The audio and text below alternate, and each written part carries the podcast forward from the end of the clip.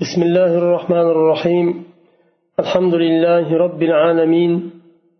والصلاة والسلام على سيد المرسلين محمد وعلى آله وأصحابه أجمعين. اللهم علمنا ما ينفعنا وانفعنا بما علمتنا وزدنا علما يا عليم. أصول فقه مجمل وبيان دوام يتياتمس. بقول قاعدة الإجمال المطلق والإجمال النسبي. Ijmol mujmal haqida yuqorida gapirgandik. Mujmal endi mutloq bo'ladi va mujmal nisbiy bo'ladi. قد يكون الإجمال في طبيعة الكلم المجملة فلا يعرف أحد المراد بالكلام إلا بعد تفسير وبيان من جهة المتكلم بالمجمل بالمجمل كما لو قلت لخادمك أعطني الكتاب ولم يكن صدر منك ما يدل على الكتاب الذي تعني. وكما في الصلاة لما فرضت فإنها كانت مجملة حتى جاء جبريل عليه السلام فبينها. فنقول في هذا النوع إن المجمال فيه مطلق. إن الإجمال فيه مطلق. إجمال كلامنا طبيعة مجمل بوغان كلامنا طبيعة بعضا itloq bo'ladi. Bu narsani kalomdan murod nima ekanini hech kim bilmaydi. Magar tafsir va bayon qilingandan keyin shu mujmalni gapirgan kishi tarafidan bayon va tafsir qilingandan keyin kalomdan murodni tushunishi mumkin. Nima uchun? Kalom mujmalgina bo'lib qolmasdan mutloqlik ham bor. Agar xodimingizga aytdingiz kitobni ber. Kitob deganda kitob bu e, mutloq usul fiq kitobini yo hadis kitobini yo tafsir kitobini deb qayd qilmadingiz. Muqayyat qilmadingiz bir e, sifat bilan. Kitob deganda hamma kitob kiradi. Qaysi kitobni berishni xodim bilmaydi. Qachonki u qaysi kitob ekanini bayon qilsangiz u mutloqni muqayyat qilgan bo'lasiz. ولم يكن صدر منك ما يدل على الكتاب الذي تعني siz qasd qilgan kitobni hali aytmadingiz xodim bilmaydi u qanday kitobligini namozda ham shunday namoz farz qilindi farz qilingan vaqtida besh vaqt namoz farz qilindi hech kim bilmasdi besh vaqt namozni kayfiyatini bilmasdi bu narsa ham mutloq edi jibril alayhissalom keldida buni bayon qildi bizga Bu turdagi mujmalni unda itloq bo'lgan mutloq bo'lgan ijmol deyiladi. وهذا النوع كان موجودا في القرآن في عصر نزول الوحي ولم ينقض عصر النبوة إلا وقد بينت السنة كل ما في القرآن من إجمال وقد خرج النبي صلى الله عليه وسلم من الحياة بعد أن أدى مهمته في البيان كاملة قال الله تعالى وأنزلنا إليك الذكر لتبين للناس ما نزل إليهم bu turdagi nima mujmal nimalar mutloq bo'lgan mujmallar qur'onda vahiy nozil bo'ladigan asrdagi asrda qur'onda bor edi bu rasululloh sollallohu alayhi vasallamni hayotlari tugamasdan oldin sunnat bu narsani qur'ondagi ijmol bo'lgan mujmal bo'lgan oyatlarni bayon qildi. Va rasululloh sollallohu alayhi vasallam hayotdan chiqarkanlar u kishi o'zlarini muhimmalarini vazifalarini komil holda bayon qilib o'tdilar. Shuning uchun alloh taolo qur'onda aytdi biz sizga zikrni nozil qildik hadisni odamlarga tushgan nozil bo'lgan narsani bayon qilishingiz uchun. Demak bayonga muhtoj ekan qur'on. Oyatlarni hammasi tushunarli darajada bayon qilinmagan ekan. Bayon qilingan oyatlar ham bor mujmal bo'lgan oyatlar ham bor. Namozga buyurilgan aqimus saloh deyilgan bayon qilinmagan. Va atu zaka deyilgan zakotni berishga buyurilgan bayon qilinmagan. Hajni hajga buyurilgan bayon qilinmagan. Buni rasululloh sollallohu alayhi vasallam sunnatlari bilan bayon qildilar. Va u kishini vazifalari shu edi. Bayon qilish. ولكن قد يكون الكلام مجملا بالنسبة إلى بعض الناس إذا لم يتفطن إلى القرائن اللفظية أو الحالية المحيطة بالكلام التي تبين المراد ويتفطن لها بعض الآخر فلا يكون الكلام مجملا بالنسبة إلى هذا الآخر ويتفاضل الناس في معرفة هذا النوع بتفاوتهم في العلم والذكاء والتجارب. وأمر أهل العلم ببيان ما يعلمونه لمن لا يعلمون. كلام بعض كشلرغة نسبة مجمل بلش ممكن. آية كريمة دقي لفظي قرينة لرنا شمس ممكن. شو سبب لي مجمل بلش ممكن بعض كشلرغة يعني oyatdan murodni bayon qiladigan lafziy bir o'rab turgan lafzni o'rab turgan bir holatlarni tushunmasligi mumkin. Va bu narsalarni boshqalar boshqa ahli ilmlar tushunishi mumkin. Shu tushungan ahli ilmlar uchun mujmal deyilmaydi. Tushunmaganlar uchun ma'nosini to'la tushunib yetmaganlar uchun bu oyat yo bir dalil mujmal bo'lishi mumkin. Odamlar bu narsani bu turdagi nimani bilishlik uchun bilishlikda bir xil bo'lmaydi albatta. Darajalari har xil bo'ladi. Ahli ilm bilgan narsalarni bilmaganlarga yetkazishga buyurilgan amr qilingan.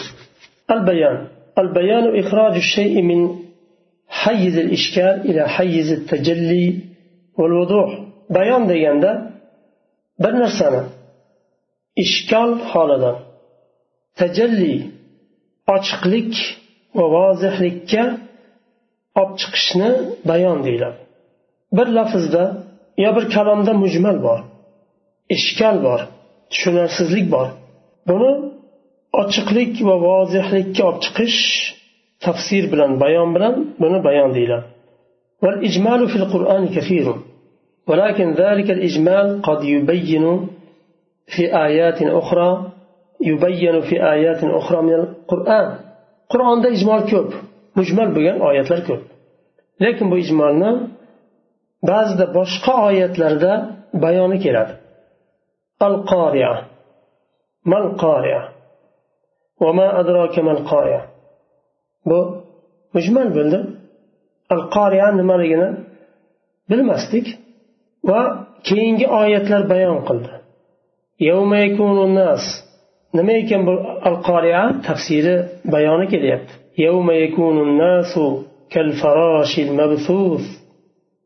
O'sha al qoriya bir kunki u kunda odamlar niholati tog'larni holati nimani mana bunday bo'ladi deb alloh taolo o'sha al qoriadan murod nima ekanini keyingi oyatlarda bayon qildi.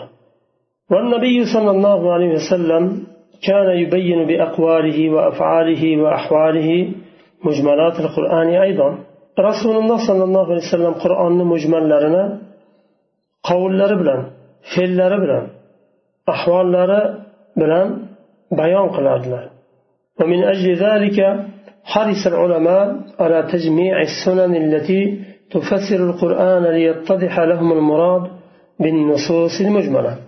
شنو uchun olimlar qur'onni tafsir qiladigan hamma sunnatni hadislarni jamlashga haris bo'lishdi mujmal bo'lgan qur'ondagi oyatlardan murod nima ekani vozih bo'lishi uchun وكان صلى الله عليه وسلم يبين المجمل أحيانا بتركه للفعل أو تقريره بتقريره أو بإشارته كقوله في بيان عدد أيام الشهر رمضان الشهر هكذا وهكذا وأشار بأصابعه أو بكتابته كما بين بها أنصبة الزكاة ومقاديرها.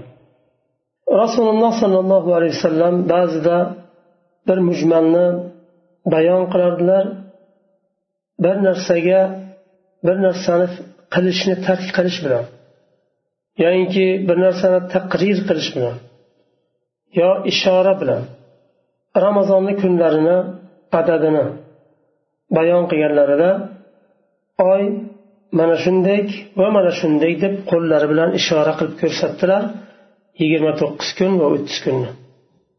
Yo qo'llari bilan ishora bilan ko'rsatdilar yo qo'llari bilan yozib ko'rsatdilar. Shuningdek zakotni nisobini ham bayon qildilar va miqdorini bayon qildilar. Nisobi qancha va miqdori qancha? وقد يتبين المراد بالمجمل من السياق كحديث الخالة بمنزلة الأم المراد في الحضانة لأن السياق ورد في الحضانة دون الميراث مثلا ba'zida mujmaldan murodni bayon qiladigan narsa kalomni siyoqi bo'ladi kalomni oqimidan ko'ra nimani oqimiga qarab tushunishlik mumkin bayonini.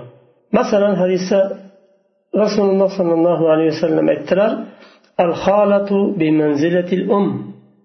Xola onani o'rnidadir dedilar. Bundan murod hidona bolani tarbiyalab boqib katta qilishda nazarda tutildi. Bu yerda aytilinmadi bolani boqib tarbiyalab katta qilishda onani o'rnini bosadi xola deyilmadi. Umum qilib mutloq qilib aytilindi xola onani o'rnini bosadi. Qayerdan bildik deyilsa chunki siyoq kalomni oqimi shu bolani enagalik qilish deydimi? Ba'zi bir nimalarda o'zbeklarni ba'zi bir nimalarida so'zlarida enaga desa kerak manimcha e, shunga o'xshagan haligi bolani tarbiyalab katta qilish xususida so'z ketayotganda bu hadisni aytdilar. Ya'ni hadisni siyoqida bolani tarbiyalab katta qilish haqida ketayotgandi. Hadona haqida ketayotgandi meros haqida emas edi. Um deyildi hadisda. Onani o'rnida o'rnini bosadi deyildi. Demak bu zakot nimaga ham merosga ham xuddi shunday bo'ladi deyilmaydi. aslida onani o'rnida bo'ladigan bo'lsa hamma narsada deb tushunish mumkin mutloq qilib. Lekin bir narsa keldida buni qayt taqyid qildi? Faqat haydonada taqid qildi. Bu taqid qilgan narsa kalomni siyoqi. Qoida la yajuzu ta'khirul bayani an vaqtil hajati ilayhi. Dinda qoida bor. Hojat vaqtidan bayonni kechiktirilmaydi.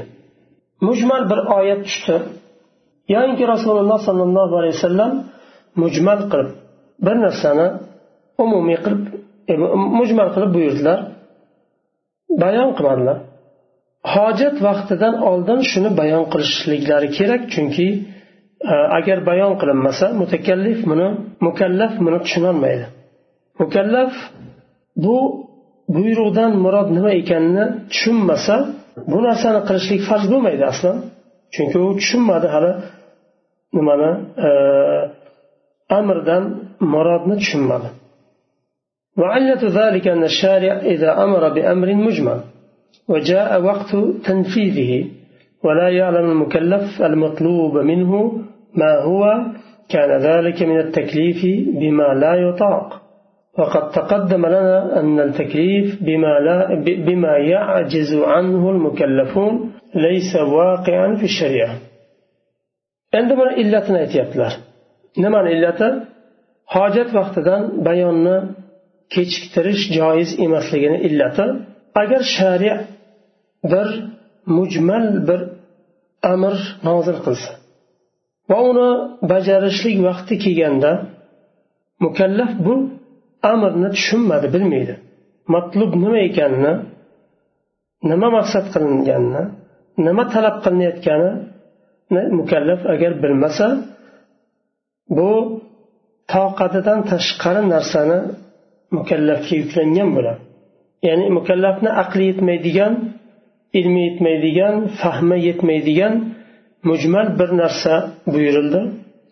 Undan keyin istaganizdek tushunib fahmlab qiling deyilsa mukallaf bunga aqli yetmaydi kuchi yetmaydi demak toqatidan tashqari bir narsa yuklangan bo'ladi bu narsa shariatda voqe bo'lmagan bu mukallafni toqatidan tashqari narsani yuklashlik shariatda voqe bo'lmagan qoida حكم المجمل التوقف عن الاستدلال به حتى تترجح إرادة أحد المعنيين بدليل مجمل أجر بالدليل بسا uni istidlol qilishdan to'xtaladi bu mujmal bo'lgan bayon nimani dalilni bayon qilinmasdan oldin dalil sifatida qo'llanilmaydi istidlol qilinmaydi to undan murod qilingan ma'no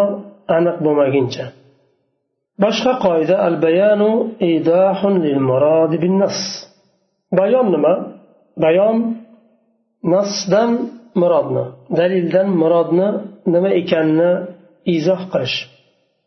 La min vaqtil bayani faqat bayon vaqtidangina emas balki o'sha bayon qilingan dalilni vorid bo'lishlik vaqtidan boshlab bayon qilinmasdan oldin qachon shu amr vorid bo'lgan bo'lsa o'sha vaqtdan boshlanadi الفصل الثاني الظاهر والمؤول ظاهر ومؤول بعض الألفاظ يتبادر منها إلى ذهن السامع معنى معين بعض لفظ الأربع eshituvchini zehnida bir muayyan lafz tabodur bo'ladi oldin keladi Bir lafzni aytganda uni lafzni haqiqati bor o'sha lafz muayyan bir narsaga qo'yilgan shu narsa insonni zehniga keladi ولكن لو قيل له أن المراد باللفظ كذا أو كذا